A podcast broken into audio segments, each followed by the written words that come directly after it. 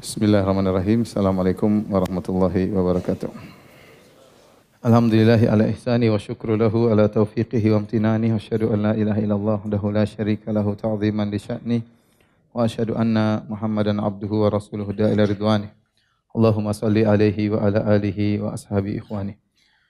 Hadirin dan hadirat yang dirahmati oleh Subhanahu wa taala, uh, insyaallah mulai uh, malam hari ini kita membacakan uh, tafsir juz amma. Ya, kita mulai dari surat yang pertama dari juz amma itu surat amma yatasaalun atau surat An-Naba. Kita tahu bahwasanya uh, Al-Qur'an diturunkan adalah untuk diamalkan. Sebagaimana perkataan Fudail bin Iyad rahimahullahu taala taala innama unzilal qur'anu liyu'mala bih fattakhadhan nasu qira'atahu amala. Sungguhnya Al-Quran itu diturunkan untuk diamalkan. Tetapi orang-orang hanya membatasi pengamalannya dengan membacanya. Sebab orang menyangka kalau baca Al-Quran sudah cukup. Padahal tidak. Baca Al-Quran itu adalah sarana untuk bisa memahaminya. Dan memahami adalah sarana untuk mengamalkannya. Jadi kalau orang sudah baca Al-Quran dengan baik, ya masih ada tahapan berikutnya, berusaha memahaminya. Kalau sudah memahami dengan baik, kemudian berusaha mengamalkannya. Oleh karenanya di antara cara kita untuk bisa mengamalkan Al-Quran dengan baik, kita harus mengerti apa kandungan dari ayat-ayat Al-Quran tersebut. Oleh karenanya, Al-Imam Ibn Qayyim rahimahullah ta'ala pernah berkata, Fakira'atu ayatin bitafakkurin wa tafahumin khairun min qiraati khatmatin bi ghairi tadabburin wa tafahumin. Bahwasanya membaca satu ayat saja dalam Al-Qur'an satu ayat saja, tapi dengan merenungkan, dengan memahami itu lebih baik daripada menghatamkan Quran tanpa dipahami. Kenapa? Karena yang menambah iman itu yang kita pahami. Kalau kita pahami satu ayat itu menambah iman kita, menambah ketakwaan kita, menambah, menambah khusyuk kita kepada Allah Subhanahu wa taala. Maka sangat penting kita mendalami apa kandungan risalah yang Allah kirimkan kepada kita. Allah Subhanahu wa taala menurunkan kitab kebahagiaan, kitab Al-Qur'an. Toha ma anzalna 'alaikal Qur'ana litashqa. Kami turunkan Al-Quran kepada engkau Muhammad bukan untuk kau sengsara, tapi agar kau bahagia. Nah bagaimana kita bisa bahagia dengan Al-Quran? Caranya kita berusaha memahami apa isi Al-Quran tersebut. Ya. Maka insya Allah pada malam ini, hari ini kita berusaha untuk memahami isi dari Al-Quran. Eh, sebelum saya masuk pada surat An-Naba, yang perlu saya ingatkan bahwasanya eh, kenapa kita memilih juz amma?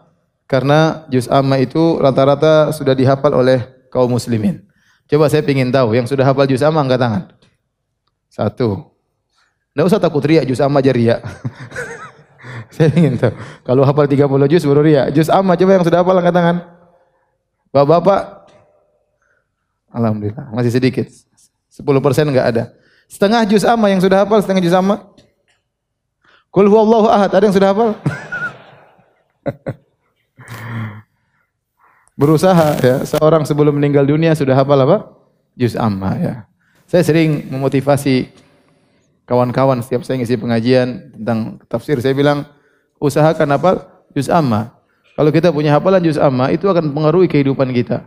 Kita naik mobil kita bisa ngulangi ya juz amma ya waktu kita bermanfaat ya. Tapi kalau kita nggak punya hafalan ya susah ya. Kita pun sholat sunnah pun semangat, sholat tahajud juga semangat. Kenapa? Ada hafalan yang kita hafalkan. Tapi kalau kita nggak punya hafalan, mau sholat malam juga gimana gitu. Mau jadi imam, istri jadi makmum juga gimana? Bacanya tiga kul terus ya. Tambah empat kul, kul ya ayuhal kafirun ya. Mas kok baca itu terus? Ini surat yang Abi sangat cintai.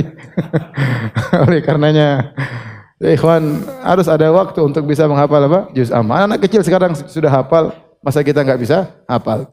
Saya pernah menyampaikan perkara ini pertama kali saya buka juz amma di suatu tempat di Anud. Saya ngisi pengajian di Al Azhar eh, di Sumarekon. Kemudian akhirnya ada seseorang yang tertarik. Setelah dia menghafal tinggal tiga surat, dia bilang, Ustaz Alhamdulillah. Sejak Ustaz bilang itu, saya sudah hafal juz amma kecuali tinggal tiga surat. Kecuali tinggal tiga surat. Dan belum selesai memang. Saya berharap kalau selesai juz amma, dia sudah hafal juz juz amma. Jadi insya Allah ya, yang mau hafal juz amma angkat tangan. Yang mau. Yang mau aja ragu-ragu, yang mau. Saya ulangi, yang mau hafal juz amma angkat tangan. Yang penting niat dulu. Juz amma, apa dulu? Juz amma. ya, insya Allah ya. Bertekad. Kalau kita tekad, insya Allah Allah kasih jalan. Taib. Juz amma ini penting. Kenapa? Karena isinya banyak masalah iman. Menggugah keimanan tentang hari akhirat, tentang hari pembalasan, tentang neraka, tentang surga. Subhanallah ini sangat penting untuk kita kehidupan sehari-hari yang kita sering lupa dengan akhirat, tenggelam dengan dunia, selalu mengejar dunia, yang dicari fulus-fulus terus, ya. Maka kalau kita punya hafalan juz amma, kita akan teringat terus, ditegur terus oleh hafalan kita, ditegur terus oleh Allah Subhanahu wa taala. Dan juz amma ini kenapa juga? Karena sering dibaca di masjid-masjid. Nah, kalau kita sudah tahu tafsirnya, kita jadi makmum enak. Kita dengar imam baca, kita tahu maksudnya. Ya, kita tahu maksudnya. Ya ayyuhal insanu ma gharraka bi rabbikal karim. Apa maksudnya? Kalau kita tahu tafsirannya enak. Oh maksudnya begini. Ya. Kalau kita enggak tahu maksudnya ya sudah, ya. Al-qari atau mal qari wa ma adraka mal qari. Apa maksudnya enggak tahu. Baca saja ya. Oleh karenanya ini penting agar kita lebih khusyuk dalam salat ya karena yang sering dibaca oleh imam adalah surat-surat juz amma. Taib. An-Naba, kita masuk surat An-Naba. Surat An-Naba ya adalah surat Makkiyah. Uh, Makkiyah dan Madaniyah, Makkiyah adalah surat-surat atau disebut ayat Makkiyah. Surat Makkiyah adalah surat yang turun sebelum Nabi berhijrah. Adapun surat Madaniyah adalah surat yang turun setelah Nabi berhijrah. Terkadang dalam satu surat ada ayat yang Makkiyah dan ada ayat yang Madaniyah. Dalam satu surat terkadang ada ayat Makkiyah, ada ayat Madaniyah. Ya. Nanti akan kita dapati ayat-ayat tersebut seperti surat uh, apa uh, seperti dalam surat Al-A'la surat Makkiyah tetapi ada ayat qad aflaha man tazakka sungguh beruntung orang yang mau ditafsirkan oleh sebagian ulama sungguh beruntung orang yang bayar zakat sementara zakat tidak diwajibkan kecuali di mana di Madinah sehingga mereka mengatakan semua ayatnya Makkiyah kecuali ayat ini contoh ya seperti itu Contoh surat Al-Mutaffifin nanti kita dapatkan. Wailul lil mutaffifin alladzina idza iktalu 'ala nas yastawfun. Celaka orang-orang yang mengurangi timbangan. Kata mereka ini ayat Madaniyah. Karena Nabi menegur orang-orang yang tidak jujur dalam timbangan. Tetapi topik berikutnya tentang orang-orang kafir berarti Makkiyah. Jadi terkadang dalam satu surat ada sebagian Makkiyah, ada sebagian apa? Madaniyah. Saya ulangi, apa itu Makkiyah? Bukan yang turun di Mekah, bukan. Apa itu Madaniyah? Bukan turun di Madinah, tetapi Makkiyah itu namanya tempat tetapi untuk membedakan fase zaman.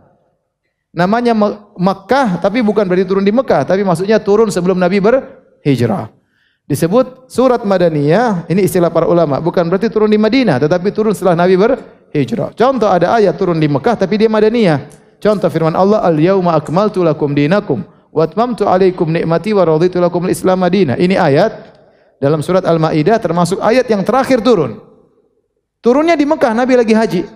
Tetapi namanya ayat Madaniyah. Kenapa? Karena dia turun setelah Nabi berhijrah. Lokasi turunnya di mana? Di Mekah. Tapi namanya ayat apa? Madaniyah. Paham? Itu. Contoh firman Allah, "Idza jaa jaa nasrullahi wal fath." Jika telah datang pertolongan Allah kemenangan. Tatkala Nabi menaklukkan kota Mekah, turunnya di Mekah, tetapi di ayat Madaniyah karena turun pada tahun 8 Hijriah setelah Nabi berhijrah 8 tahun. Taib. Adapun surat An-Naba, maka dia surat Makkiyah. Seluruhnya surat apa? Ayat-ayatnya seluruhnya apa? Makkiyah. Kita mulai ya. Uh, amma yatasaalun. Tentang apakah mereka saling bertanya? Anin naba'il azim ya. Tentang berita yang besar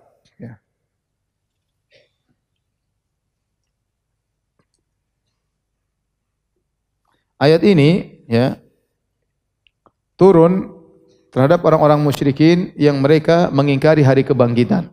Jadi orang musyrikin itu mereka mengakui adanya Allah. Dan ini sudah sangat jelas. Mereka mengakui adanya Allah karena Ka'bah yang bikin nenek moyang mereka.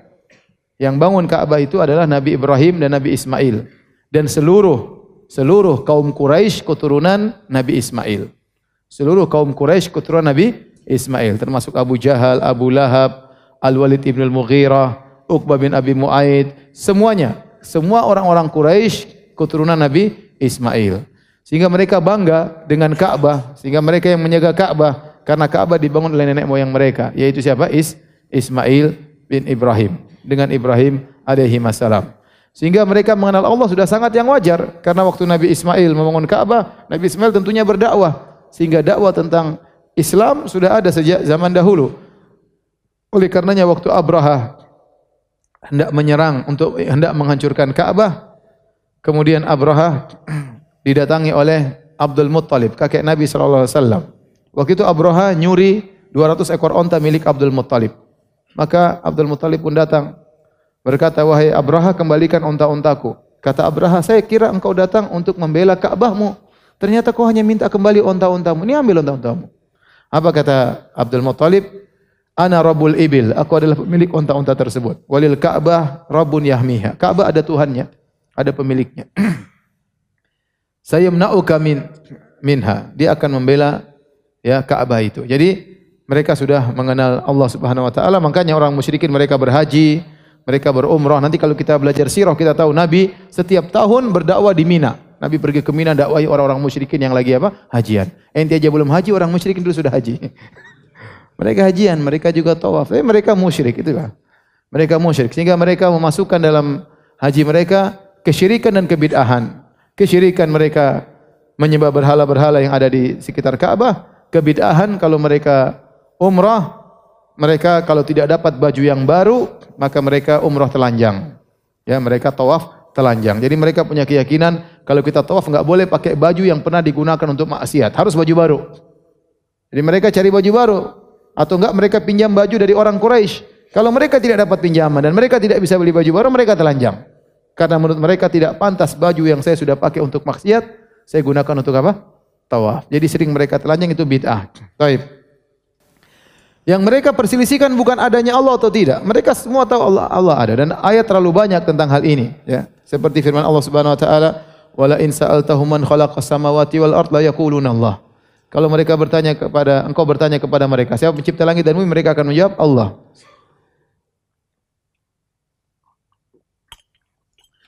Wala in sa'altahum man khalaqas samawati wal arda wa sakhkhara syamsa wal qamar la yaquluna Allah.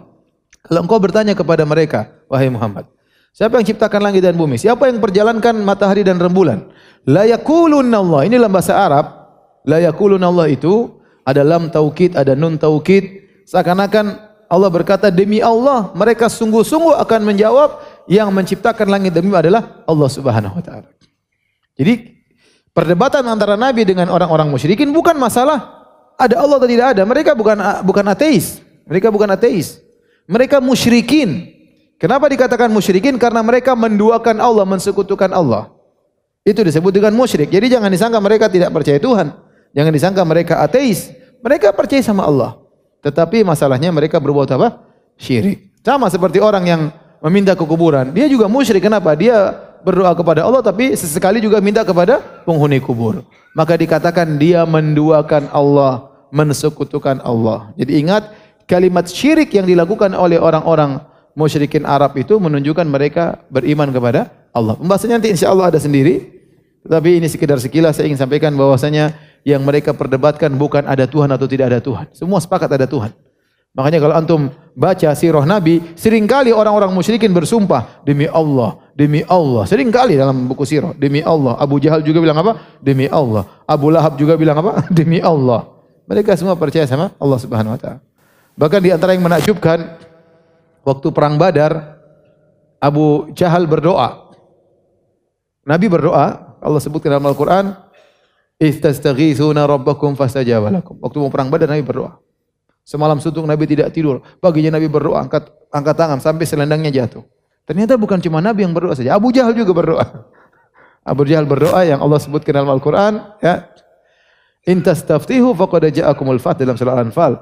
Kalau kalian minta keputusan sungguh telah datang keputusan bagi kalian. Nabi Abu Jahal berdoa, Allahumma ayyuna aqta alir rahim Wa jaa nabi malam na'rif fa ahinhul ghadat. Yang artinya ya Allah, dia berdoa sama Allah. Ya Allah, siapa antara aku dan Muhammad yang paling memutuskan silaturahmi? Karena Abu Jahal nuduh Nabi memutuskan silaturahmi. Gara-gara dia berdakwah, Quraisy pecah. Suami pisah dari istrinya, bapak ribut sama anaknya, kakak ribut sama adiknya. Ini semua gara-gara Muhammad. Dulu kita bersatu padu, gara-gara dia dakwah, pecah belah. Maka Abu Jahal meyakini Muhammad ini pemutus silaturahim. Maka dia berdoa, Allahumma, ya Allah, ayyuna aqta'alir rahim. Siapa di antara aku dan Muhammad yang paling memutuskan silaturahmi? Dan datang dengan perkara yang kami tidak ketahui, maka binasakanlah dia hari ini. Ya, ya. ternyata dikabulkan oleh Allah Subhanahu wa taala. Tewaslah dia ya. Tapi intinya dia berdoa kepada Allah Subhanahu wa taala. Makan kalau dia makan mereka matang. Dalam ayat banyak sekali. Wa idz qalu Allahumma in kana hadha huwal haqqu min indak. Ya Allah, ini kalau benar Muhammad utusanmu ya Allah, famtir alaina hijaratan minas sama. Turunkan hujan batu kepada kami. Kalau memang Muhammad ini yang kau utus. Jadi mereka percaya sama Tuhan. Cuma mereka tidak percaya sama Muhammad sebagai Rasul. Mereka tidak percaya adanya hari kiamat. Mereka seperti ayat yang kita dengar Imam baca. Wa idza ra'auka iyattakhidunaka ila huzwan, ahadza alladhi ba'athallahu rasulah? Kalau mereka melihat engkau wahai Muhammad, mereka ngejek kamu. Kata mereka, inikah yang diutus Allah? Masa begini modelnya diutus Allah? Mereka ngejek, tapi mereka tidak ribut tentang Allah, semuanya percaya Allah. Tidak ada satu ayat pun yang mereka ragu tentang adanya Tuhan, enggak ada. Jadi antum harus tahu Muhammad SAW diutus kepada kaum yang mereka percaya kepada adanya apa?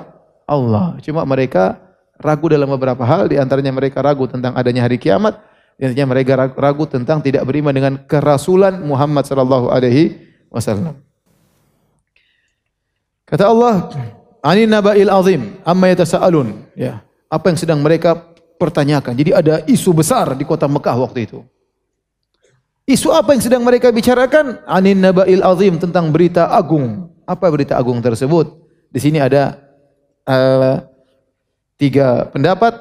Ada yang mengatakan mereka mengingkari Al-Quran, ada yang mengatakan mereka mengingkari hari kebangkitan, ada di antara mereka mengatakan para ahli tafsir mengatakan mereka mengingkari kerasulan Nabi SAW. Tiga perkara ini yang menjadi isu sedang beredar di kota Mekah yang mereka perbicarakan.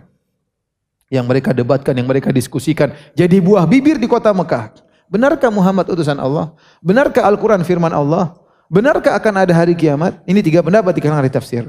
Namun yang lebih kuat kata para ulama yang sedang mereka perdebatkan dalam ayat ini, yang dimaksud dalam ayat ini adalah mereka tidak percaya dengan adanya hari kiamat. Mereka tidak percaya adanya hari kiamat, hari kebangkitan. Alladhi hum fihi mukhtalifun.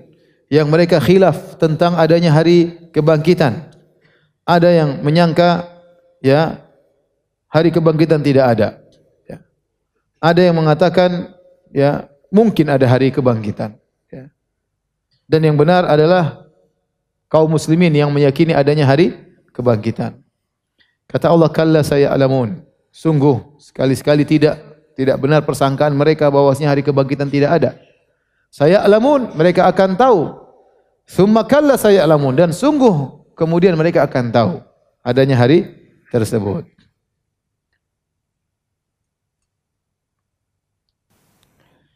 Kenapa kata para ulama ya? Kenapa orang-orang kafir Quraisy tidak mau percaya sama hari kiamat? Karena mereka tidak mau diminta pertanggungjawaban. Ah kalau kita percaya hari kiamat repot.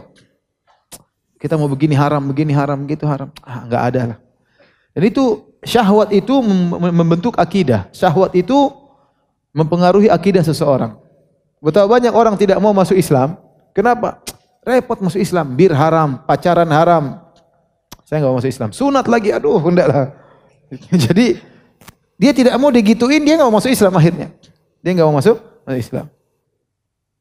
Sama orang kafir kenapa tidak mau percaya sama hari kiamat? Karena konsekuensi dari perkara hari kiamat mereka akan dimintai pertanggungjawaban oleh Allah dan mereka tidak mau. Wa qala alladziina la yarjuna liqa'ana dan berkata orang tidak berharap bertemu dengan kami. Ya, mereka tidak mau bertemu dengan Allah Subhanahu wa taala. Mereka tidak mau adanya hari kebangkitan, enggak mau. Kenapa mereka tidak meyakini? Karena syahwat mereka. Jadi syahwat itu mempengaruhi keyakinan apa? Seseorang. Keyakinan seseorang. Sehingga dia punya akidah karena dibangun di atas syahwat dia. Maka setelah itu ya uh, jadi Allah bantah, apakah kehidupan seperti itu saja? Ya, jadi apakah semua terjadi tanpa ada pertanggungjawaban? Kalau kita tidak usah jadi nggak nggak usah kita kuasai kota. Misalnya ada ke, kepala RT aja, tapi dalam RT-nya itu ribut sana berkelahi dan dia diam-diam saja. Dia tidak bertanya, dia tidak menyelesaikan masalah, dia tidak minta pertanggungjawaban. Ini RT pintar apa RT Bahlul? RT Bahlul. Ini kalau ada Tuhan ciptakan makhluk sebanyak ini, yang satu zalim, yang satu membunuh, satu dibunuh, satu dibohongin, satu membohongin, satu merampas, satu dirampas, satu diperkosa, satu memperkosa. Terus begitu saja hilang. Tidak ada pertanggungjawaban. Kalau Tuhan begini modelnya, Tuhan bahlul. Kita aja manusia kalau ada yang model seperti kita katakan ini pemimpin gak beres begini. Masa dibiarkan begitu saja tidak ada pertanggungjawaban? Nah apakah kehidupan alam semesta ini begitu aja berlaku tanpa ada pertanggungjawaban? Gak mungkin. Pasti ada satu hari namanya hari kebangkitan yang kita semua akan dimintai pertanggungjawaban atas apa yang kita lakukan. Kemudian Allah berfirman setelah itu Allah jelaskan tentang kekuasaan Allah. Jadi kalau kita belajar tafsir, kita bagi surat itu menjadi beberapa paragraf. Paragraf pertama sudah selesai. Amma yatasaalun 'anil naba'il 'azim alladhi hum fihi mukhtalifun kalla sayalamun thumma kalla sayalamun. Sudah satu paragraf. Sekarang paragraf baru. Allah jelaskan tentang keagungan Allah Subhanahu wa taala. Alam naj'alil arda mihada. Bukan kami bukankah kami telah menjadikan bumi hamparan. Mihada ya. Mihada, antum lihat halaman 21. Dalam sebagian kiroah dibaca dengan mahdan. Mahdan, yaitu kasur yang disiapkan untuk bayi agar bayi tersebut tidur di atasnya. Mihadan artinya mumahadan. Jadi bumi itu diciptakan Allah dengan fasilitas Allah siapkan. Bukan Allah ciptakan bumi seperti planet Mars yang tidak ada isinya, tidak apa-apanya. Tidak, Allah ciptakan bumi mihadan, ay mumahadan dengan disiapkan ada gunungnya, ada sungainya, ada pohon-pohonnya, ada bahan tambangnya yang dibutuhkan dalam kehidupan manusia. Seperti bayi yang lahir sudah disiapkan apa? Kasurnya tinggal ditaruh, enak. Ya. Ya manusia tinggal olah sedikit saja. Tapi semua sudah di, disiapkan. Ya. Jalan apa gunung mudah didaki, tanah landai mudah dilewati, ya. Semuanya sudah disiapkan oleh Allah Subhanahu wa taala. Allah sebutkan kenikmatan tersebut. Aku yang menciptakan ini semua kata Allah. Alam naj'alil arda mihada. Bukan kami yang telah menjadikan bumi terhampar dengan mudah untuk ditempati. Ya. Subhanallah bumi ini begitu indah ya. Begitu apa? Indah ya. Dan mudah untuk ditempati segala prasarana ada. Ya. Semuanya tersediakan ya. Kemudian wal jibala autada. Dan bukankah kami telah menjadikan gunung-gunung sebagai autat? Autat itu pasak. Secara bahasa artinya pasak.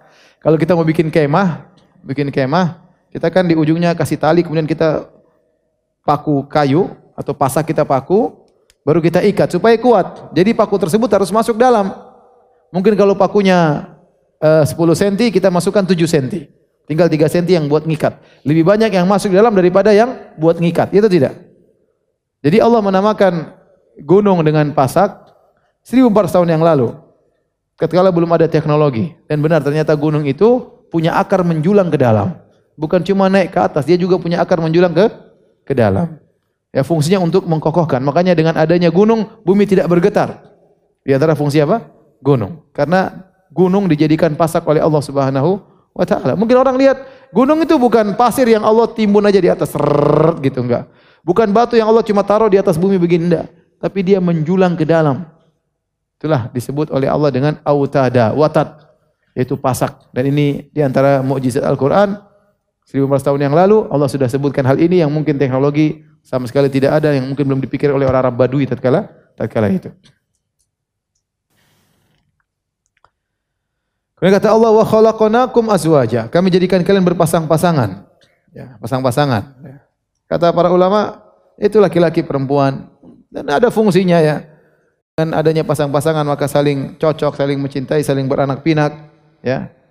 Bahkan dalam ayat yang lain kata Allah min kulli syai'in khalaqna zaujaini la'allakum tadhakkarun. Dan segala sesuatu kami ciptakan dengan berpasang-pasangan dan semuanya berpasang-pasangan. Kalau laki-laki ada perempuan. Ada positif, ada negatif. Ada api, ada air. Ada surga, ada neraka. ada iblis, ada Jibril ya. Ada Firaun, ada Musa ya.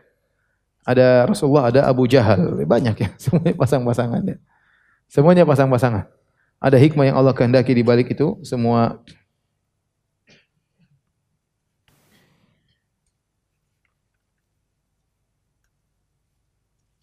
Antum udah ngantuk kah? Hah? Udah capek belum? Sudah berapa jam kita bicara ini? Hah? Setengah jam? Baru setengah jam? Muka Dimas setengah jam sudah cukup. Tambah atau sudah? Hah? Terus ya?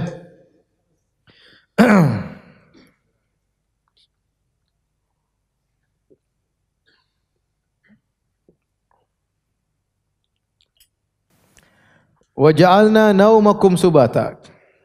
Allah sebutkan nikmat-nikmat yang Allah berikan kepada mereka orang-orang Quraisy. Kami jadikan tidur kalian ya sebagai untuk istirahat. Dalam ya, wa ja'alna laila libasa. Kami jadikan malam sebagai pakaian bagi kalian ya. Jadi Allah menciptakan manusia letih kemudian dia ngantuk. Ini itu nikmat ya. Orang kalau sudah letih terus tidur, tidur itu paling nikmat. Lebih nikmat dari segalanya. Oleh karena Ibnu Qayyim mengatakan justru manusia itu dia merasakan kenikmatan di puncak kelemahannya baru dia merasakan kenikmatan. Contoh, dia baru merasakan makan itu enak kalau lagi apa? Lapar. Kalau udah kenyang, enggak ada yang enak. Dia baru merasakan minum itu lezat begitu karena dia ke kehausan. Seorang benar-benar merasakan tidur itu nikmat kalau lagi capek, ya. Itu kenikmatan yang Allah berikan. Kalau seorang tidak merasa letih, terus kerja, tahu-tahu mati. ya, tahu mati kerja terus kerja terus kerja terus ngitung terus ngitung terus. Bisa meninggal dunia kalau lupa dengan waktu istirahat nggak mau istirahat. Kalau dia lupa dengan letihnya, makanya Allah kasih sinyal, letih istirahat.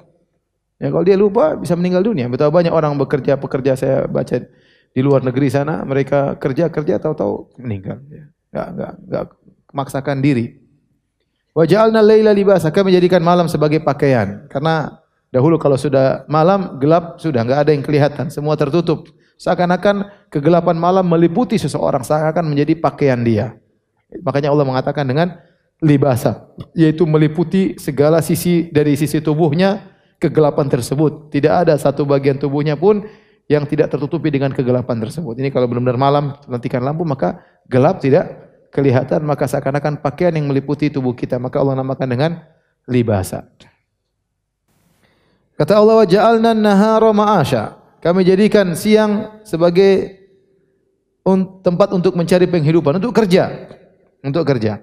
Makanya ya men, eh, secara secara alami bahwasanya malam adalah tempat istirahat, siang untuk tempat apa? Kerja. Malam waktunya istirahat, siang waktunya kerja. Kalau ada orang yang membalak-balikkan aturan ini, dia tidak akan hidup dengan enak. Coba kalau ada orang mal malamnya kerja, siangnya tidur. Pasti tubuhnya enggak enak. Meskipun dia tidur siang lebih banyak daripada orang kalau tidur malam 6 jam sudah segar. Ya, 6 jam sudah segar. Tapi kalau dia tidur siang sampai 6 jam, 7 jam tetap badan tidak tidak enak. Kenapa? Karena dia menyelisihi aturan yang Allah bikin. Aturannya malam istirahat, siang apa? Kerja. Karena dia merubah pola. Kemudian kata Allah Subhanahu wa taala wa banaina fawqakum sab'an shidada. Dan kami bangunkan di atas kalian tujuh langit yang kokoh. Subhanallah ya. Langit yang kita lihat ini baru langit yang pertama. Langit apa? Langit dunia. Belum langit yang kedua, langit yang ketiga. Sebab Allah mengatakan seluruh yang ada langit dunia ini bintang-bintang ya. Walaqad walaqad zayyana samaa dunya bimasabiha. Kata Allah kami hiasi langit ini, langit dunia dengan bintang-bintang. Jadi seluruh bintang-bintang yang ada ini masih di langit pertama.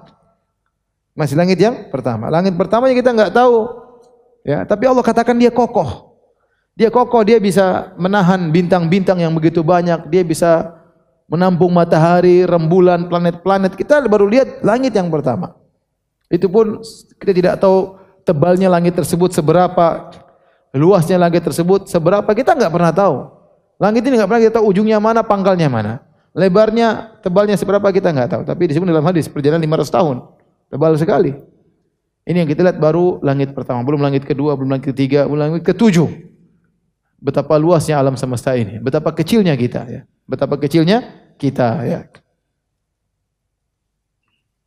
Kata Allah Subhanahu wa taala, ya. Wa ja'alna siraja wahaja. Kami jadikan pelita yang amat terang itu matahari. Kata para ulama wahaj itu artinya sesuatu yang panas. Del bahwasanya matahari itu mengeluarkan panas. Kemudian kata Allah wa anzalna minal mu'sirati ma'an sajjaja. Dan kami turunkan dari awan air yang banyak tercurah. Mu'sirat adalah awan yang hitam. Tidak dikatakan mu'sirat kecuali awan tersebut sudah hitam. Setelah hitam baru kami turunkan air hujan. Ya.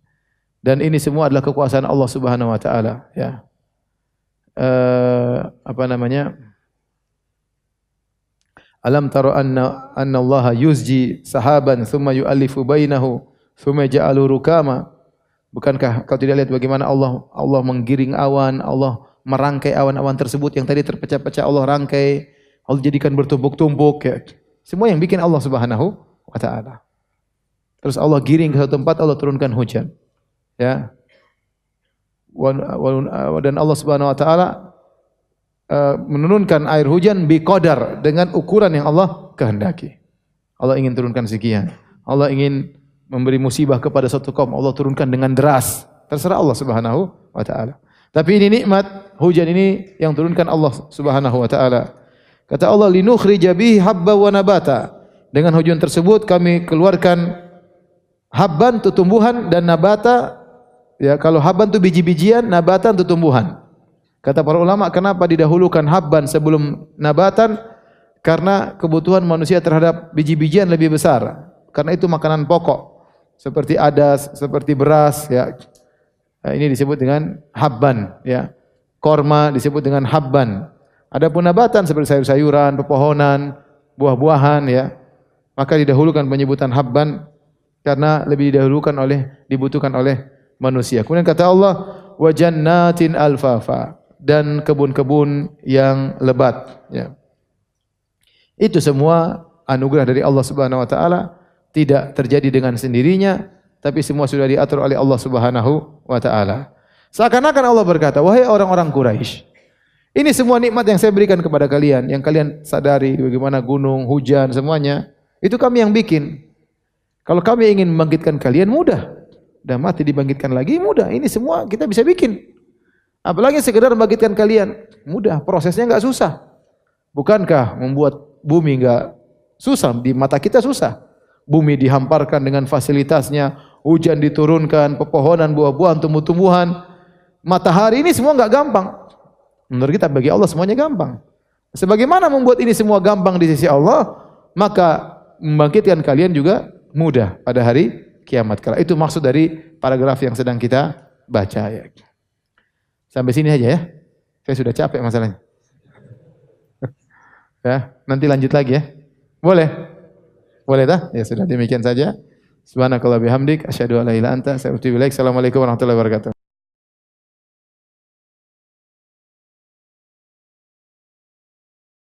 Bismillahirrahmanirrahim. Assalamualaikum warahmatullahi wabarakatuh. Alhamdulillahi ala ihsanih wa syukru lahu ala taufiqihi wa amtinanih wa asyhadu an la ilaha illallah wahdahu la syarika lahu ta'ziman li wa asyhadu anna Muhammadan abduhu wa rasuluhu da'ila ridwanih. Allahumma salli alaihi wa ala alihi wa ashabi ikhwanih. Kita lanjutkan bahasan kita dari tafsir surat An-Naba sampai pada ayat yang ke-17.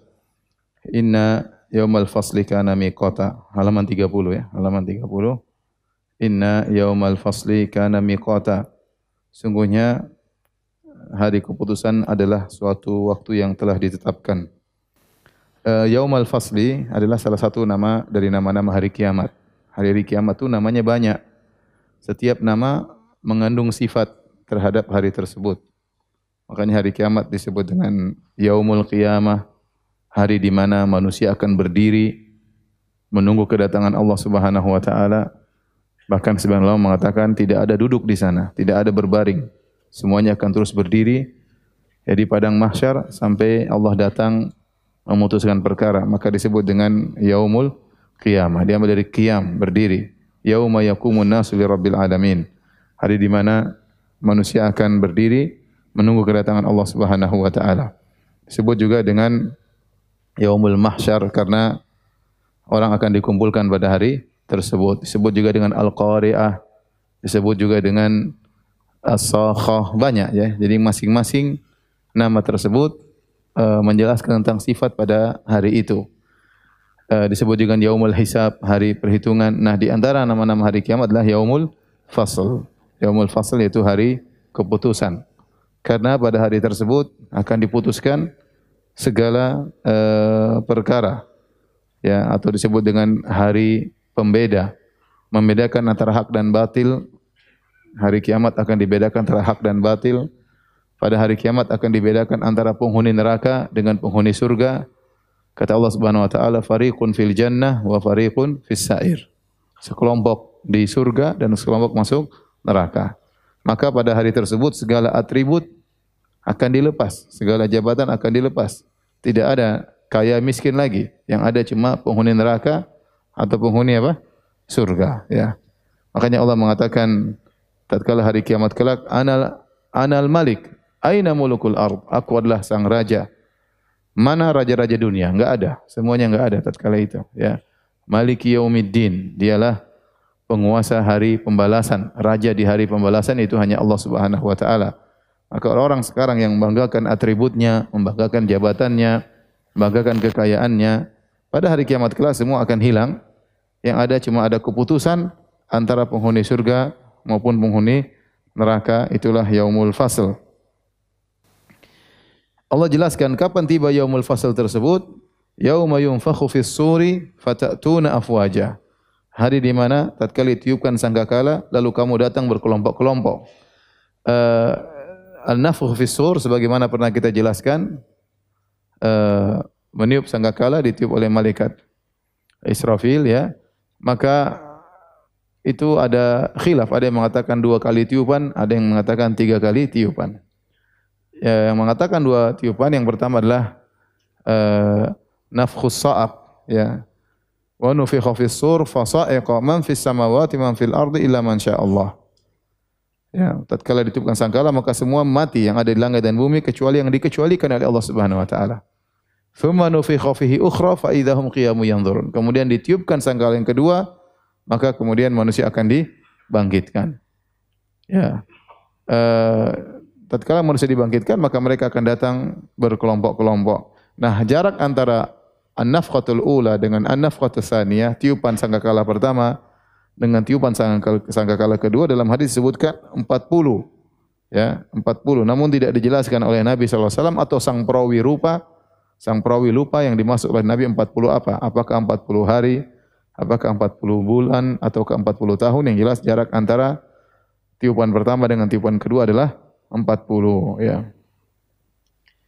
Eh, di situlah kemudian faidahum qiyamu yanzurun manusia ya dibangkitkan dari kuburannya fatatuna afwaja kemudian datang berkelompok-kelompok. Setelah itu Allah berfirman wa futihatis sama'u fakanat abwaba. Maka tatkala itu, tatkala ditiupkan sangkakala ya, maka langit yang sekarang kita lihat tertutup akan terbuka pintu-pintunya, akan kelihatan ada pintu-pintunya. Ada yang mengatakan uh, futihat sis sama ufakanat abwaba maksudnya terbelah-terbelah ya sebagian datang dalam ayat-ayat yang lain.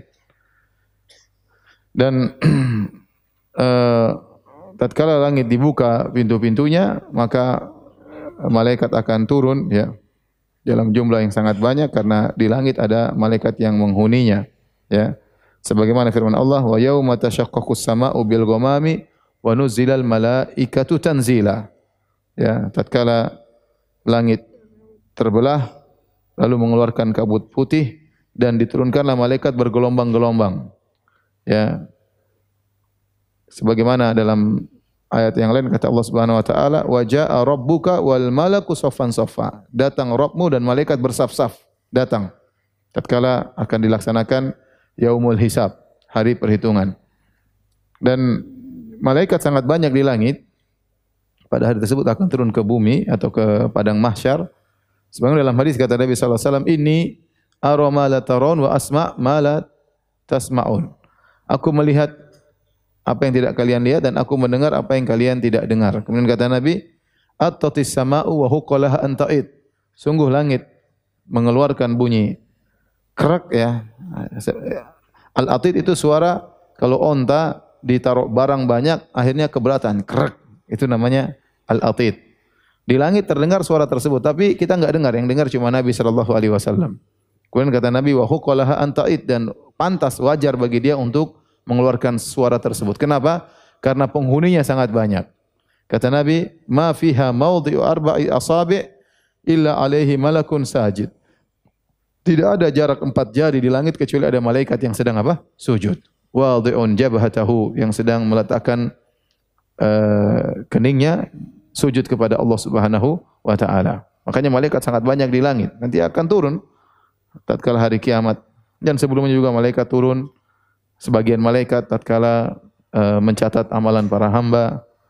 Kemudian sebagian malaikat juga akan turun tatkala Lailatul Qadar kata Allah tanazzalul malaikatu warruhu fiha malaikat turun dengan banyak pada hari malam Lailatul Qadar dan juga malaikat Jibril ikut turun di malam Lailatul Qadar sehingga Lailatul Qadar disebut dengan Lailatul Qadar karena di antara makna Lailatul Qadar adalah malam yang sempit. Al-Qadar dalam bahasa Arab di antara maknanya artinya sempit.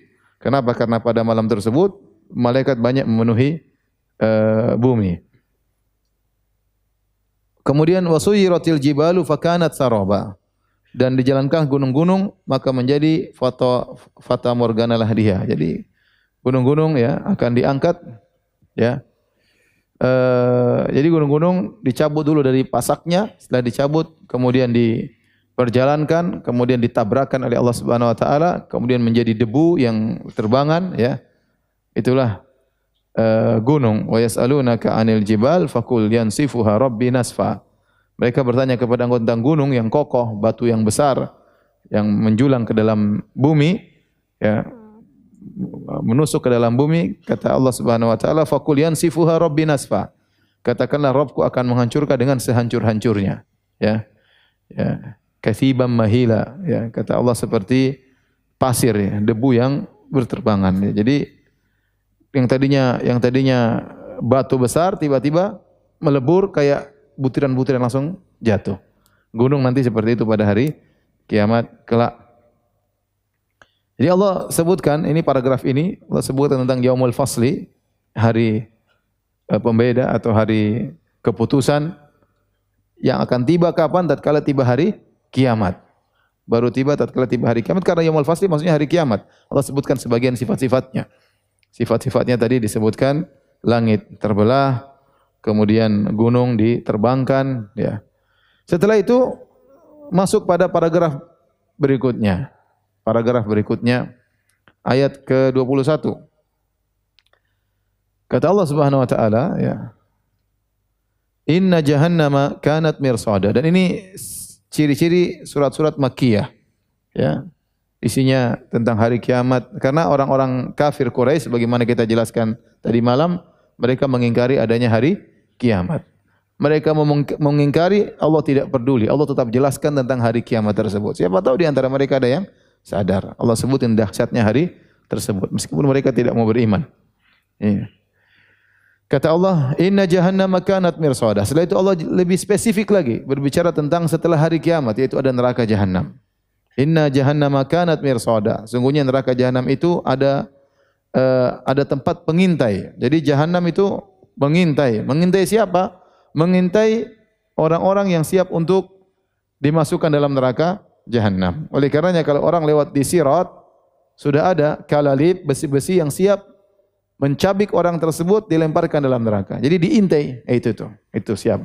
Terus kena masuk. Itu lagi tuh kena terus masuk. Semuanya diintai.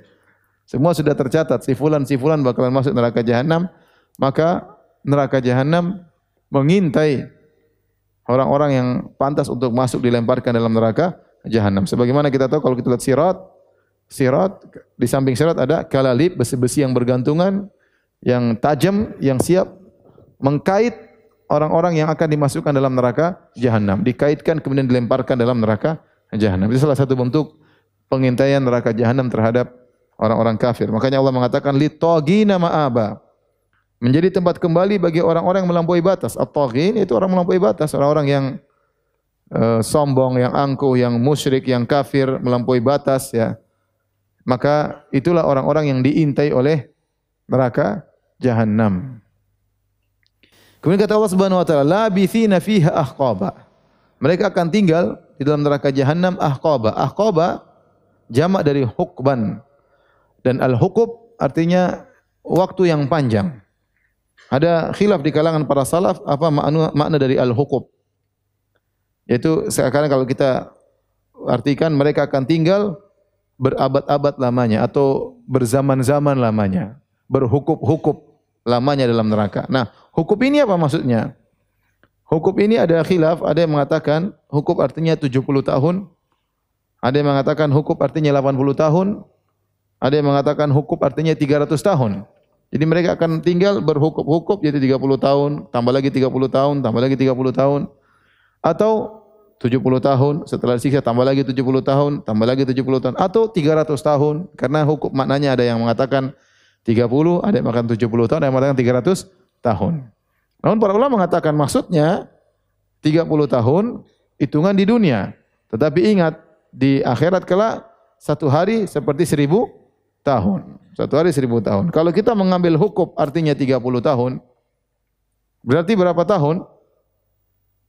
30 kali 3, coba kali matematika. 30 kali 365 kali 1000. Berapa itu? Banyak ya. Hmm, anak saya juga bisa gitu. Hah? Biar saya ngitung aja lah. Antum psiko apa dhaif enggak tahu. 365 kali 30 kali 1000. 10 juta 950 ribu tahun. Ini kalau makna hukum yang paling kecil. Jadi 10 juta tahun disiksa. Terus 10 juta tahun kemudian siksa yang lain. 10 juta tahun kemudian siksa yang lain. Kalau maknanya 70 tahun ya sekitar 25 juta tahun. Ya, kalau 70 kan eh, 30 10 juta berarti kalau 60 20 juta, kalau 70 sekitar 25 juta tahun. 25 juta tahun disiksa. Kemudian 25 tahun berikutnya disiksa. 25 juta tahun lagi kemudian disiksa yang lain. Atau 300 tahun. Berarti 100 juta 100 juta tahun disiksa, subhanallah. Bukan 100 juta tahun. 100 juta tahun disiksa, 100 juta tahun berikutnya disiksa, 100 juta. Makanya jangan saya mantu masuk neraka ya. Mantu masuk neraka repot. Kalau dapat periodik 30 30 ya. Makanya waliyadzubillah, neraka ini sangat mengerikan. Nah, Ini maksudnya ahqabah di situ maksudnya. Ada pembahasan tapi saya tidak ingin bahas di sini masalah akidah. Tapi intinya intinya bahwasanya uh, ahqabah di sini bukan menafikan khalidina fiha. Jadi orang masuk orang kafir masuk neraka khalidina fiha. Mereka kekal dalam neraka selama-lamanya. Namun kenapa Allah mengatakan ahqabah? Maka ditafsirkan oleh para ulama maksudnya setiap periodik itu siksaannya tersendiri. Periodik berikutnya siksaannya lagi berubah lagi. Karena dalam neraka jahanam berbagai macam model siksaan. Ya. Berbagai macam siksaan dan tidak ada yang menyisa siksaan Allah Subhanahu wa taala, ya. Uh, jadi ini maksudnya aqaba kumpulan zaman-zaman berapa lama mereka siksa enggak berhenti-berhenti, tetapi mereka disiksa secara periodik. Ada yang mengatakan 10 juta tahun, 10 juta tahun berikutnya, 10 juta tahun berikutnya, karena akhirat tiada penghujungnya. Adapun kalau orang Islam yang dimasukkan dalam neraka jahanam pelaku maksiat, maka mereka ada batasan waktunya. Tetapi pembahasan kita ini tentang, tentang orang kafir karena ayat ini surat Makkiyah turun konteksnya khitabnya pembicaraannya kepada orang-orang musyrikin apa? Mekah. Ya, musyrikin Mekah. Dan mereka tahu nama makna hukum itu waktu yang lama. Makanya Allah ingin mengatakan Kalian tuh bukan hukum yang disiksa bukan cuma sehukup, tapi berhukup-hukup dan tiada berhentinya. Khalidina fiha abada, kekal dalam neraka selama-lamanya. Uh, jangan sampai kita seperti orang-orang Yahudi. Lihat halaman 37. Orang Yahudi berkata apa? Wa qalu lan tamassana naru illa ayyaman ma'duda. Orang Yahudi itu pede. Mereka pede masuk surga. Kalaupun mereka tidak masuk surga, masuk neraka, kata mereka cuma sebentar. Jadi orang Yahudi kan mereka yakin masuk surga. Ya, makanya Allah mengatakan, "Qul ya ayyuhalladzina hadu in za'amtum annakum awliya'u lillahi min dunin nas, fatamannawul mauta in kuntum shadiqin." Katakanlah Muhammad kepada orang Yahudi, kalau kalian merasa kalianlah wali-wali Allah yang lain bukan, karena orang Yahudi merasa mereka sya'bullahil mukhtar, mereka adalah bangsa pilihan, bangsanya Tuhan. Tuhan itu Tuhannya Yahudi. Tuhan memang untuk orang Yahudi saja ya. Dan mereka merasa pasti masuk surga. Maka kata Allah, katakanlah kepada mereka Muhammad, suruh minta mati kalau memang mereka yakin pasti masuk surga. Suruh minta mati. Ya udah, berdoa sama Allah, ya Allah matikan kami agar segera masuk surga. Ngapain setengah mati di dunia? Ya. Kata Allah, wala yatamannaunahu abadan. Mereka tidak bakalan pernah minta mati karena mereka sadar mereka banyak melakukan apa? maksiat. Ya. Jadi perbuatan mereka, pernyataan mereka tidak sesuai dengan kenyataan. Pernyataannya pasti mau surga tapi kalau disuruh minta mati enggak berani. Ya. Qul in kanat lakumud darul akhiratu indallahi khalisatan min dunas fatamannawul maut wala yatamannahu abadan bima qaddamat aydihim. Kalau katakanlah jika kamu merasa bahwasanya surga hanyalah milik kalian wahai orang Yahudi, mintalah mati. Pasti ya mati, pasti masuk surga, mintalah mati. Kita orang Islam tidak demikian. Kita orang Islam yakin yang bisa masuk surga hanyalah orang yang bertauhid. Tapi tidak ada di antara kita yang yakin masuk apa? Surga. Kita sadar kita banyak maksiat, kita banyak kekurangan. Tetapi orang Yahudi merasa pasti masuk surga. Tapi kalau disuruh minta mati enggak berani. Tetapi mereka mengatakan sombongnya mereka, kalaupun kita masuk neraka cuma sebentar. Ya. Lan tamassana naru illa ayyaman ma'dudah. Kami hanya disentuh neraka cuma beberapa hari. Keyakinan seperti ini masih diyakini sampai sekarang. Saya punya kawan di Australia, dia kerja sama orang Yahudi. Subhanallah mereka ngobrol terkadang masalah akidah. Kata orang Yahudi bosnya tersebut, kita ini kalau masuk neraka cuma sebentar, beberapa hari. Teman saya ingat, persis seperti di Al-Quran. Persis seperti di Al-Quran. Mereka meyakini kalau mau neraka cuma beberapa hari. Kita bilang taruhlah sesuai dengan keyakinanmu cuma beberapa hari. Ingat satu hari seribu tahun. Ya siapa yang kuat tahan seribu tahun disiksa. Jadi orang miskin aja seribu tahun setengah mati. Apalagi disiksa. Ya, ini orang sekarang sakit aja sebulan terkapar di, di rumah sakit menderita. Sampai banyak orang mau mati, mau bunuh diri. ya karena enggak kuat menahan menahan pada cuma begitu apalagi di itu tidak disiksa cuma sakit. Apalagi kalau disiksa beberapa hari, berarti beberapa ribu tahun ya. Waliyadzubillah.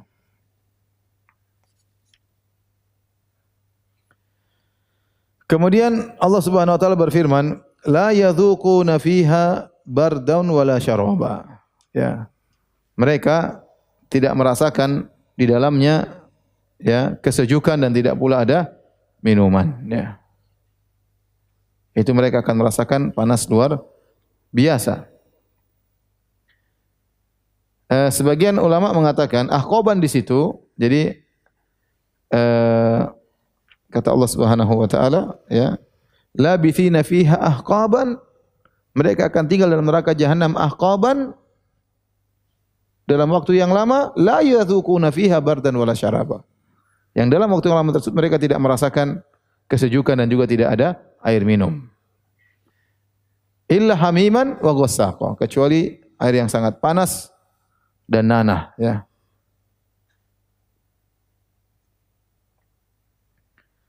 Setelah itu baru mereka merasakan nih apa kesiksaan yang lainnya lagi. Ini sebagian ulama mengatakan ayat sebelumnya berkaitan dengan ayat setelahnya. Jadi la yadzuquna fiha badan wala syaraban adalah sifat bagi ahqaban. Bagi yang belajar nahwu tentu tahu.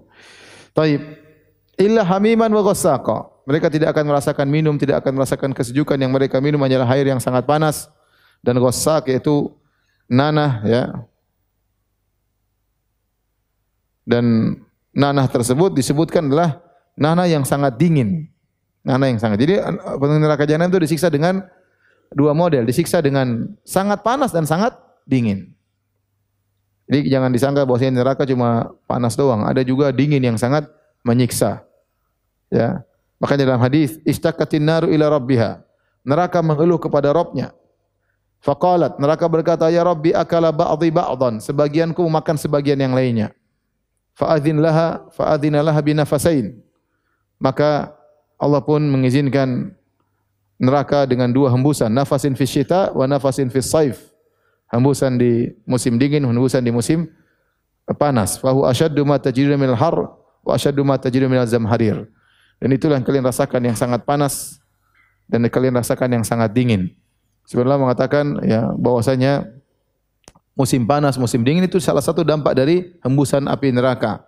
Hembusan api neraka. Bahkan ada yang mengatakan matahari itu salah satu dari uh, sebagian secuil dari neraka jahanam. Karena musim panas berkaitan dengan matahari dan matahari salah satu cuplikan dari apa? Dari neraka jahanam. Ya, kalau kita dekat kayak apa? Itu jauh aja kayak begitu, apalagi kalau dekat. Belum neraka jahanam ya. Intinya di neraka siksaan hamiman artinya air yang sangat panas, gosakon nana yang sangat dingin ya. Kalau orang dimasukkan dalam kulkas ya. dingin atau tidak? Sekarang aja kita pakai AC kedinginan. Ya, apalagi kalau kita tinggal di negara-negara yang empat musim. Di Madinah saja kalau pernah saya sempat kalau nggak salah dua derajat, uh, dingin luar biasa. Sampai ada yang meninggal, anak-anak yang nggak kuat meninggal ya. Nah, sekarang alhamdulillah ada pemanas. Kalau zaman dulu kayak apa? Enggak ada pemanas, mau cari kayu bakar, terlambat cari kayu bakar, kedinginan, apa namanya? meninggal dunia, ya.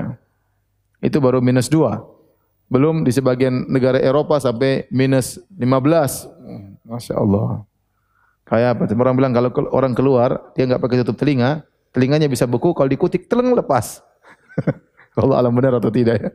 Kalau saking apa? Dinginnya ya. Dingin banget ya. Dingin, belum anginnya yang kita nggak bisa gerak kadang-kadang ya. Dingin banget ya. Wajah ini udah kayak kayak es batu ya. Jadi kaku ya. Saya pernah keluar pada, pada waktu itu cuma uh, dua derajat, dua derajat Celcius. Saya keluar di salah satu tempat di Eropa. Kemudian angin dengan angin yang dingin dibilang dengan angin jadi minus empat kalau nggak salah atau rasanya seperti minus empat itu sudah nggak kuat kayak apa ya jadi memang tersiksa dengan dingin yang sangat juga membuat orang tersiksa.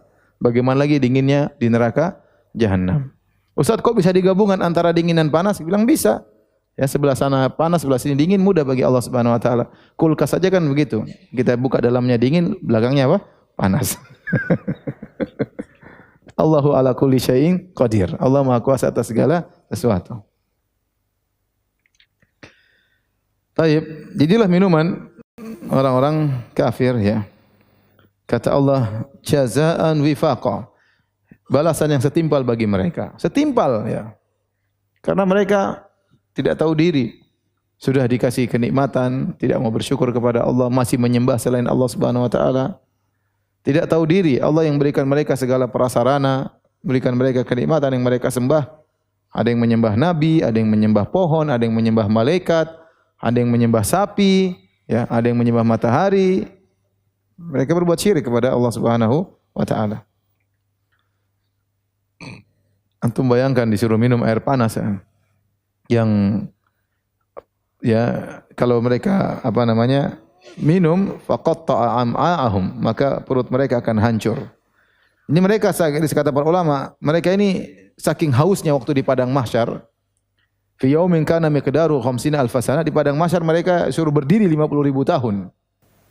Jarak matahari jaraknya satu mil. Mereka kepanasan kelaparan. Orang kafir itu kepanasan kelaparan. Setelah mereka ribuan tahun kehausan, keringat bercucuran enggak mati-mati, merasakan kehausan yang amat-amat sangat. Begitu dimasukkan dalam neraka jahanam, mereka haus, mereka minta minum, ya. Minta minum kepada Allah Subhanahu wa taala. Allah kasih air panas. Mereka tahu itu panas, tapi karena sudah saking hausnya, mereka tetap apa? Minum. Ibarat orang tatkala uh, morfin ya, kecanduan ya. Tahu ini bahaya, tapi dia tetap aja dia harus apa namanya belah-belah tangannya, kemudian hisap darahnya. Dia tahu ini sakit, tapi dia sudah bagaimana lagi? Tidak bisa, harus harus dia minum, harus dia minum. Sama orang kecanduan rokok, udah tahu itu hisap api, tapi ya gimana lagi? Udah tahu bakalan sakit, tetap aja gimana lagi harus minum apa? Isap isap rokok ya. Ya. Saya kadang nggak habis pikir, kenapa orang bisa merokok ya? Apa yang buat mereka ingin merokok? Coba, coba tanya sama antum perokok, coba tanya. Yang yang merokok coba tanya pada diri sendiri. Pertama kali saya merokok kenapa? Apa coba yang membuat motivasi saya untuk merokok? Enggak ada. Bikin habis duit, masukin asap dalam apa? Perut, dalam dalam eh, paru-paru ya. Intinya enggak ada. Hanya dihiasi oleh setan bikin fly juga tidak ya. Kalau bir kan mungkin ada bikin fly enak. Kalau rokok apa enggak ada. Cuma setan menghiasi bahwasanya orang yang merokok itu keren. Itu aja ya. Iklannya orang badan besar merokok begini. Ya itu iklannya. Ente kurus krempeng begini. Terus iklannya pemanjat gunung, iklannya terkesan kalau merokok gagah di depan cewek, dibiasi oleh setan semuanya itu. Kayaknya orang yang rokok, merokok lebih jantan daripada yang tidak merokok. Dari mana kaidah itu? Ilmiah juga tidak, secara logika juga tidak, tapi itulah contoh bagaimana maksiat benar-benar dihiasi oleh setan. Ya. Kalau bir oke okay lah, bir ada lezatnya, ada enaknya rasanya, ada mungkin fly bikin hilang stres, macam-macam. Kalau rokok apa? Jadi karena mereka sudah sangat haus, tidak ada yang bisa mereka minum, terpaksa mereka minum padahal mereka tahu itu akan menyiksa mereka. Akhirnya mereka wasukumaan hamiman, mereka pun minum air yang sangat panas, faqata am'ahum mencabik-cabik usus mereka. Nanah, nanah ini gimana minum nanah? Siapa yang kuat minum? Tapi enggak ada lagi. Haus mau diapain? Akhirnya nanah mereka minum yang sangat dingin udah masuk dalam diri mereka, sangat dingin menyiksa diri mereka karena dingin itu juga menyiksa. Siksaan bisa dengan kedinginan, siksaan bisa dengan kepanasan. Kata Allah Subhanahu wa taala, "Innahum kanu la yarjuna hisaba." Mereka dahulu tidak berharap untuk dihisap. Ya. Kenapa mereka takut dihisap? Mereka mau enggak mau dihisap. Aida mitna wa kunna turaban. Kalau kami sudah mati, sudah jadi tanah, apa kita akan dibangkitkan lagi? Ya, enggak mungkin kata mereka. Dan mereka tidak mau dihisap. Enggak mau dihisap, ya. Karena mereka tahu kalau mereka dihisap banyak sekali kemaksiatan yang mereka lakukan. Kata Allah, "Kadzdzabu bi ayatina kidzaba." Mereka telah mendustakan ayat-ayat kami dengan sedusta-dustanya. Wa kulla syai'in ahsainahu kitaba dan segala sesuatu telah kami catat dalam satu kitab. Semua perbuatan mereka enggak ada yang luput. Mereka enggak mau dihisap tetap dihisap. Semua perkataan mereka, semua keyakinan mereka, semua perbuatan mereka ahsainahu kitaban. Kami telah tuliskan dalam catatan.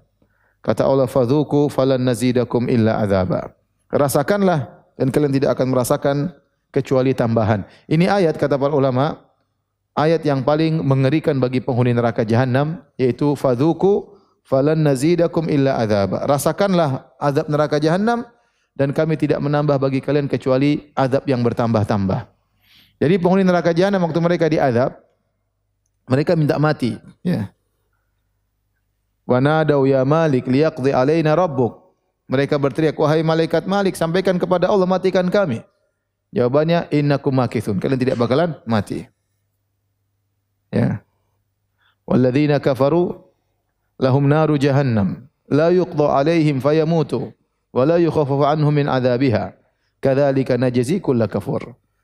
La yuqda alaihim. Mereka tidak bakalan mati. Minta mati enggak dikasih mati. Minta dikurangi. Wa qala ladzina kafaru wa qala ladzina fin nari li khazanati jahannam. Ud'u rabbakum yukhaffif 'anna yawman minal adzab. Maka penghuni neraka jahanam berkata kepada penjaga neraka, pada para malaikat, mintalah kepada Robmu, Rob kalian agar mengurangi azab kami meskipun hanya sehari. Kasih libur aja sehari. Bukan libur, apa kurangilah. Sehari saja. Jadi mereka minta mati enggak dikasih mati. Minta mereka minta dikurangi enggak dikurangi. Jawabannya justru ditambah. Fadzuku falan nazidakum illa adzaba.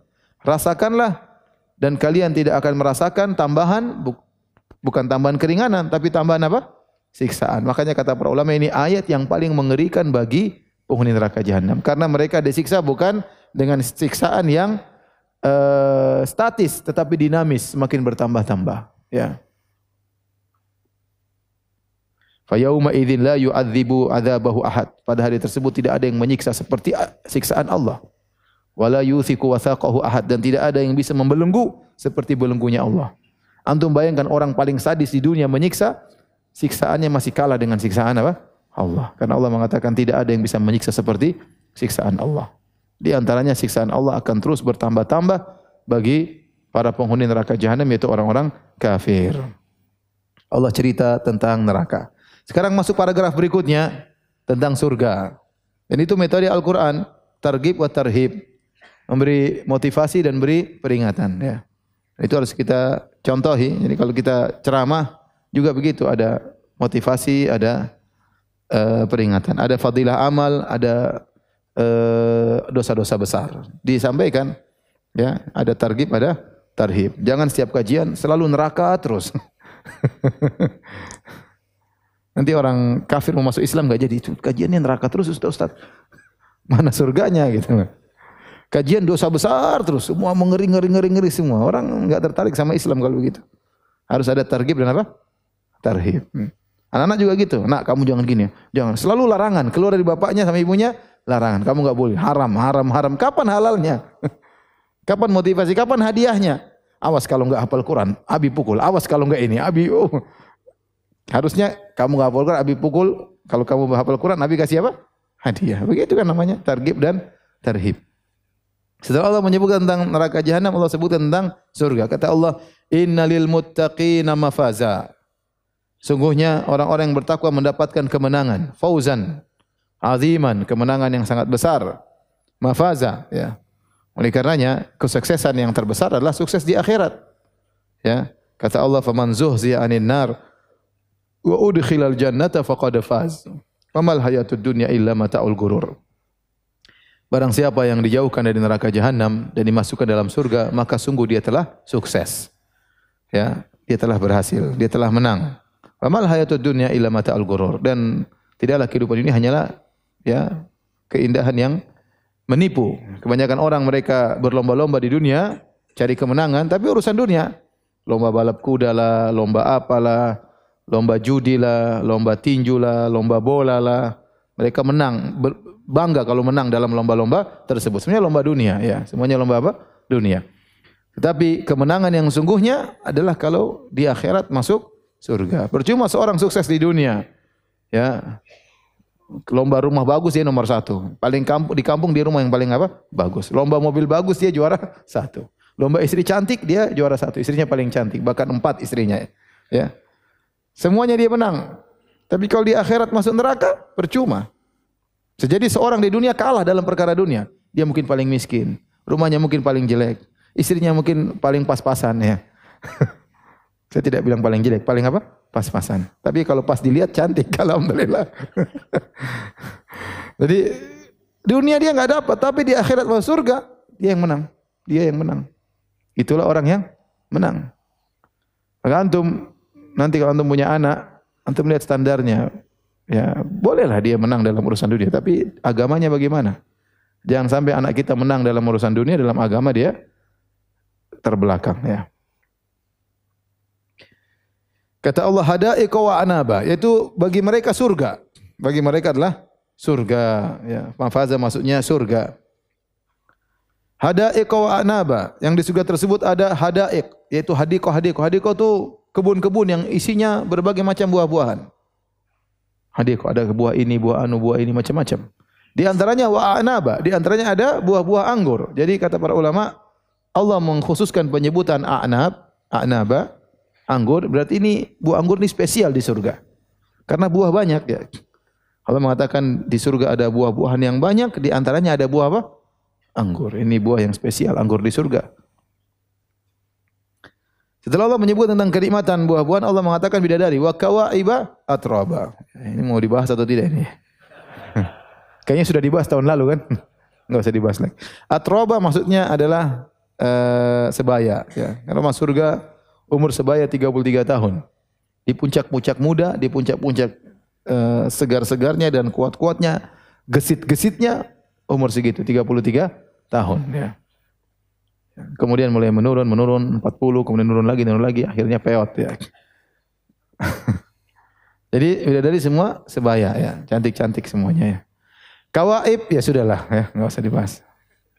Lagi puasa. Baca aja sendiri ya.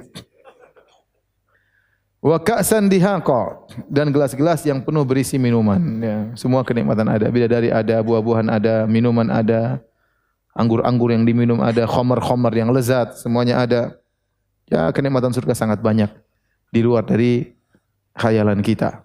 Di luar dari khayalan, khayalan kita. Oleh karenanya para hadirin, kata Allah Subhanahu wa taala, "Wa ma tuqaddimu li anfusikum min khairin tajiduhu indallahi wa khaira wa a'zama ajra."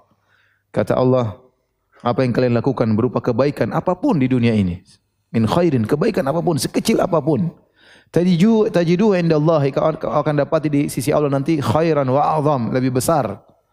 Lebih besar. Ya. Oleh karenanya, setiap kebaikan yang kita lakukan ini akan dibalas oleh Allah berlipat-lipat ganda sangat banyak. Saya kasih contoh saja, Nabi SAW bersabda, Rok atal fajri khairu minad dunya wa ma fiha. Dua rakaat salat fajar sebelum subuh, qobliyah subuh lebih baik daripada dunia dan seisinya. Kapan antum bisa menguasai dunia dan seisinya? Kapan? Apakah ada orang di dunia ini menguasai dunia dan seisinya? Enggak ada. Apakah ada raja yang menguasai dunia dan seisinya? Enggak ada. Raja mana yang pernah hidup di dunia ini menguasai dunia seisinya? Enggak ada. Sebutkan raja-raja yang pernah hidup. Mau Fir'aun, mau Alexander bin Philips, ya. Al-Makedoni dan yang lain enggak ada. Semua raja enggak ada yang pernah menguasai dunia ini. Dunia dan seisinya. Antum kalau antum jadikan antum Allah jadikan antum sebagai raja, antum diberi umur 5000 tahun, antum tidak bisa menguasai dunia dan seisinya. Enggak mungkin. Pasti antum punya kelemahan. Tidak pernah dalam sejarah orang menguasai dunia dan seisinya. Tapi antum dengan sholat dua rakaat sebelum subuh, nanti antum jadi raja dunia dan seisinya. Di mana? Di akhirat kelak. Hanya sekedar dengan dua rakaat sebelum subuh. Ini dalil bahwasanya dunia ini tidak ada nilainya dibandingkan dengan akhirat. Sedikit kebaikan yang antum lakukan di akhirat ini dibalas di dunia akan dibalas di akhirat dengan berlipat-lipat ganda. Maka jangan sampai waktu terbuang-buang. Ya. Jangan sampai waktu ter terbuang-buang. Ya Allah akan bidadari di luar bayangan antum. Minuman di luar hayalan antum. Semuanya sangat indah dan tidak bisa kita hayalkan. Ya, tidak bisa kita hayalkan. Kata Allah, la yasma'una fiha lagwan wala. Di surga mereka tidak mendengar perkataan sia-sia dan tidak ada kedustaan. Tidak ada hoax di surga. Enggak ada. Enggak ada lagu, enggak ada kata-kata sia-sia. Wala ta'thima dalam ayat yang lain wala ta'thima, tidak ada yang dosa, perkataan menyakitkan hati, tidak ada. Di Indonesia di Indonesia. di di Bekasi. Kita sering ngomong sama kawan, sesama ikhwan, terkadang dia menyinggung kita, terkadang dia menyindir kita, terkadang kita tersinggung, terkadang kita baper, terkadang dia yang baper. Sering kan begitu? Ya, sering. Ya, kita nggak bisa jaga omongan. Terkadang kita menyinggung orang, terkadang kita disinggung orang. Ada kata-kata yang menyakitkan, sindiran, apalagi makian, apalagi hinaan. Itu sudah makanan kita sehari-hari di di tanah air. Ya.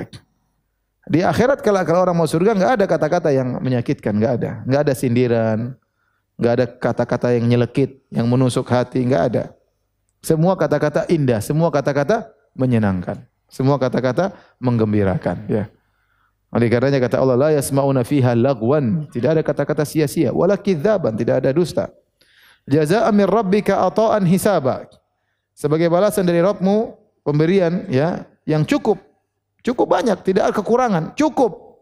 Di akhirat berlebih-lebihan. Tidak namanya kurang. Kita di dunia masih saja merasa kurang. Masih saja merasa orang memiliki kona'ah jarang. Susah manusia punya kona'ah, tapi dia ah saya merasa cukup. Sebenarnya kalau kita mau di dalam hati masih ada aja kekurangan. Sifat manusia. Mau dikasih rumah sebagus apa pun, kayaknya masih ada yang kurang. Mungkin ruangannya kurang banyak. Mungkin istrinya kurang banyak katanya. Mungkin apa? Pasti aja kekurangan. Mau diapain? Ada punya kolam renang kayaknya kurang besar. Tidak ada namanya puas manusia. Ya, tapi kalau di surga atoan hisaba. Ya, pemberian yang memuaskan, yang cukup, enggak ada kekurangan ya. Enggak ada kekurangan sama sama sekali. Itu Allah berfirman, "Rabbis samawati wal ardi wa ma bainahuma ar-Rahman, la yamlikuna minhu khitaba." Tuhan yang melihara langit dan bumi dan apa yang ada di antara keduanya, yang Maha Pemurah. Mereka tidak dapat berbicara dengan Dia, ya. Pada hari kiamat orang tidak berani ngomong sama Allah Subhanahu wa taala. Pada hari kiamat orang tidak berani ngomong sama Allah. Tidak usah kita tidak usah kita bicara tentang Allah. Kita saja kadang masuk di ketemu dengan pembesar kita enggak berani ngomong. Masuk di kantor, ketemu dengan bupati saja atau ketemu dengan gubernur atau ketemu dengan presiden kita nggak berani ngomong. Ketemu dengan amir, ketemu dengan syekh kita mau ngomong segan, takut dan macam-macamnya. Apalagi ketemu dengan Allah Subhanahu wa taala. Kata Allah, "Yauma yaqumur ruhu wal malaikatu saffa." Pada hari itu ketika ruh dan malaikat bersaf-saf. Ar-ruh maksudnya malaikat Jibril. Ya, ar-ruh itu malaikat apa? Jibril. Saffan mereka bersaf-saf. La yatakallamuna illa man adzina lahu rahman wa qala sawaba. Mereka tidak berkata-kata, malaikat saja enggak bisa ngomong kecuali dengan izin siapa? Allah Subhanahu wa taala dan mereka mengucapkan kata yang kata yang benar. Hari yang sangat dahsyat. La tasma'u illa hamsa. Kalaupun mereka bicara ada bisik-bisik ketakutan. Ketakutan. Apalagi pas lewat sirat, semua ketakutan. Tidak ada yang boleh bicara tatkala sedang lewat sirat. Penentuan surga atau neraka mengerikan. Lolos masuk surga, jatuh neraka jahanam. Para nabi hanya mengucapkan tiga kata. Allahumma salim salim. Ya Allah selamatkan. Tidak ada kata lain. Tidak ada kata lain. Semuanya ketakutan ya. ya. Hari yang sangat mengerikan. Apalagi kalau kita sadar kita banyak dosa. Itu para nabi saja yang bebas dari dosa, yang dosa mereka sudah diampunkan, mereka tidak berani ngomong. Apalagi seorang yang membawa dosa pada hari kiamat, dia ingat seluruh dosa yang dia lakukan. Ucapannya, penglihatannya, pendengarannya. Oh, di, di akhirat mau ngomong apa dia? Sekarang orang pede ngomong-ngomong macam-macam. Ya. Saya gandeng kamu ke surga. Oh, ngomong sekarang. Di akhirat siapa yang berani ngomong? Tenang, nanti saya surga, anak buah saya, saya tidak akan masuk surga kecuali murid-murid saya masuk dulu. Subhanallah. Nanti berani ngomong gitu. Nabi tidak begitu ngomongnya. Nabi tidak ada yang ngomong kayak gitu. Kata Allah, "Dzalikal yaumul haq." Itulah hari yang benar. Hari yang pasti terjadi. Ya, makanya di antara doa Nabi tatkala uh, bangun malam ya, Nabi mengatakan waliqa'uka haq wan nabiyyuna haq wan naru haqqun wal jannatu haqqun. Hari pertemuan adalah benar pasti terjadi. Para nabi di atas kebenaran, neraka itu ada, surga itu ada ya. Dzalikal yaumul haq. Itu hari pasti terjadi. Pasti akan datang. Faman syaa'a takhadha ila rabbih ma'aba. Barang siapa yang berkehendak, niscaya dia bisa menempuh jalan menuju Rabbnya. Dia bisa selamat Kemudian kata Allah, "Inna anzarnakum adzaban qariba." Sungguhnya kami ingatkan kepada kalian tentang azab yang dekat. Yauma yanzurul mar'u ma qaddamat yadah. Manusia akan lihat seluruh apa yang pernah dia lakukan. Sekarang membuka file kita sangat mudah. Sekarang file orang, file kita di sekarang sirah kehidupan kita orang tahu terkadang kalau orang mau cari data kita filenya ada. Jadi SD, SMP, SMA, terus bagaimana perjalanan hidupnya ada filenya. Ya. Sekarang uh, file yang begitu banyak, yang mungkin data begitu banyak jutaan miliaran data bisa disimpan di flash disk yang kecil ya. dan terjaga. Tinggal dibuka di komputer kebuka seluruhnya. Ya. Film-film yang mungkin uh, ratusan jam bisa disimpan dalam file yang kecil. Bisa diputar ulang, bisa dinonton film tersebut. Bisa diputar, ya. Maka hari tersebut yauma yanzurul mar'u ma qaddamat yada. Manusia akan lihat apa yang dia pernah lakukan selama di dunia. Saya enggak tahu cara melihatnya bagaimana yang jelas Allah Allah mengatakan dia akan lihat apa yang pernah dia lakukan. Apakah filenya berupa catatan tulisan tangan tanggal sekian-sekian ataukah filenya dalam bentuk video dia akan lihat ya wallahu alam bisawab. Tetapi akan diperlihatkan pada hari kiamat kelak. Wa yaqulul kafiru ya laitani kuntu turaba. Maka tatkala itu orang kafir berkata, seandainya aku hanyalah sebuah tanah yang tidak dibangkitkan, tidak disidang dan tidak dimasukkan dalam neraka jahanam. Seorang kafir berangan-angan menjadi tanah. Kapan orang kafir mengatakan seandainya saya jadi tanah? Tatkala orang kafir melihat ada kambing yang disidang dikisos oleh Allah Subhanahu wa taala. Hadis kata Nabi sallallahu alaihi wasallam, la tu'addunnal huquqa ila ahliha yaumal qiyamati hatta yuqada li syatil jalha min syatil qarna. Kata Nabi, sungguh kalian akan mengembalikan hak kalian akan mengembalikan hak kepada pemiliknya pada hari kiamat kelak sampai hak kambing yang ditanduk akan mengambil haknya dari kambing yang menanduknya. Ini menunjukkan keadilan Allah Subhanahu wa taala. Jangankan manusia disidang, kambing pun akan disidang, hewan pun akan disidang. Tetapi disidangnya sekedar kisos kemudian dirubah jadi tanah. Hanya sekedar dikisos, tidak ada kelanjutan surga atau neraka. Beda kalau manusia. Dan itu kita akan lihat. Kita akan lihat. Orang kafir pun melihat kambing dihadirkan oleh Allah. Keadilan ditegakkan jangan kepada manusia, kepada hewan pun ditegakkan. Setelah itu kambing yang tidak ditanduk mengambil haknya dari kambing yang menanduknya. Setelah itu kata Allah kuni turaba, jadilah pasir. Selesai. Makanya dalam satu hadis dari Abu Dzar dia berkata, radhiyallahu anhu, anna Rasulullah sallallahu alaihi wasallam ra'a syataini tantatihan. Rasulullah SAW melihat dua kambing saling menanduk. Rasulullah bertanya, "Ya Abu Dzar, hal tadri fima tantatihan?" Abu Dzar, tahukah engkau kenapa dua kambing ini saling bertanduk? Ada masalah apa? Ya Abu Dzar tidak tahu. Ini kambing bertanduk kenapa? Rebutan makanan kah? Rebutan kambing betina kah? Enggak tahu. Ini kenapa ribut? Kata dia, saya tidak tahu ya Rasulullah. Kata Rasulullah SAW, lakinna Allah yadri. Tapi Allah tahu kenapa mereka saling menanduk. Wa sayaqdi bainahuma dan Allah akan mengadili mereka berdua pada hari kiamat kelak, ya. Oleh karenanya tatkala hewan dikisos kemudian makanya Allah mengatakan ya wa idzal wuhushu husyirat tatkala hewan-hewan buas akan dikumpulkan dia akan dihidupkan lagi kumpulkan ya.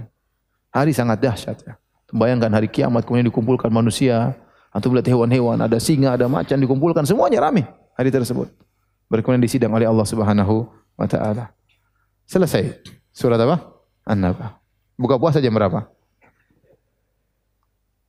masih lama? Lanjut apa sudah? Sudah ya? Sudah ya?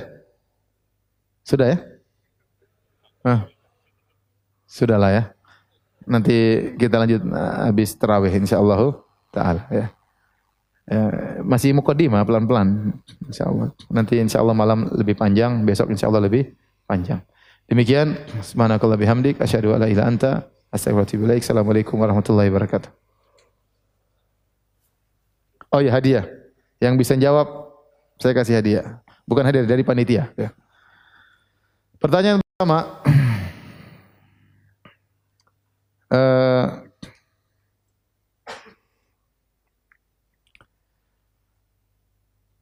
apa maksudnya firman Allah Subhanahu wa taala dalam surat An-Naba?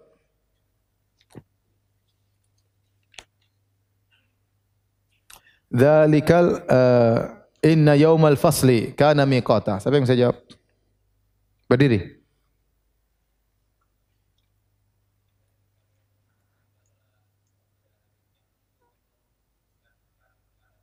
Hmm. Yaumal fasli artinya apa? Lain makna lain hari pem pembeda. Maksudnya gimana hari pembeda? Antara laki sama wanita. Antara apa lagi?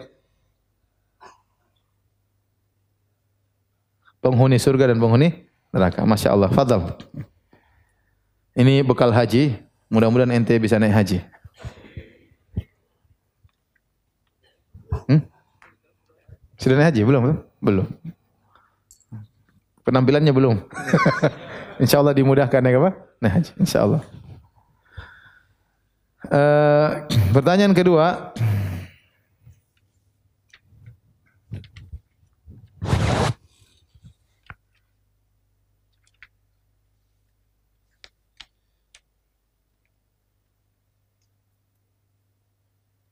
Saya bisa tafsirkan fadhuku falan nazidakum illa adzaba. Rasakanlah kalian tidak merasakan kecuali tambahan siksaan. Saya bisa jelaskan?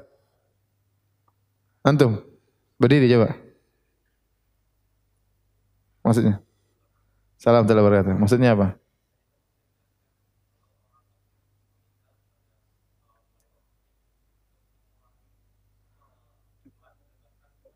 Nah, terus?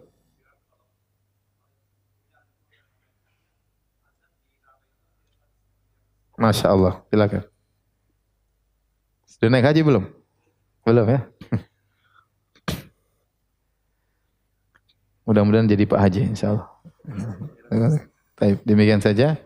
Assalamualaikum warahmatullahi wabarakatuh.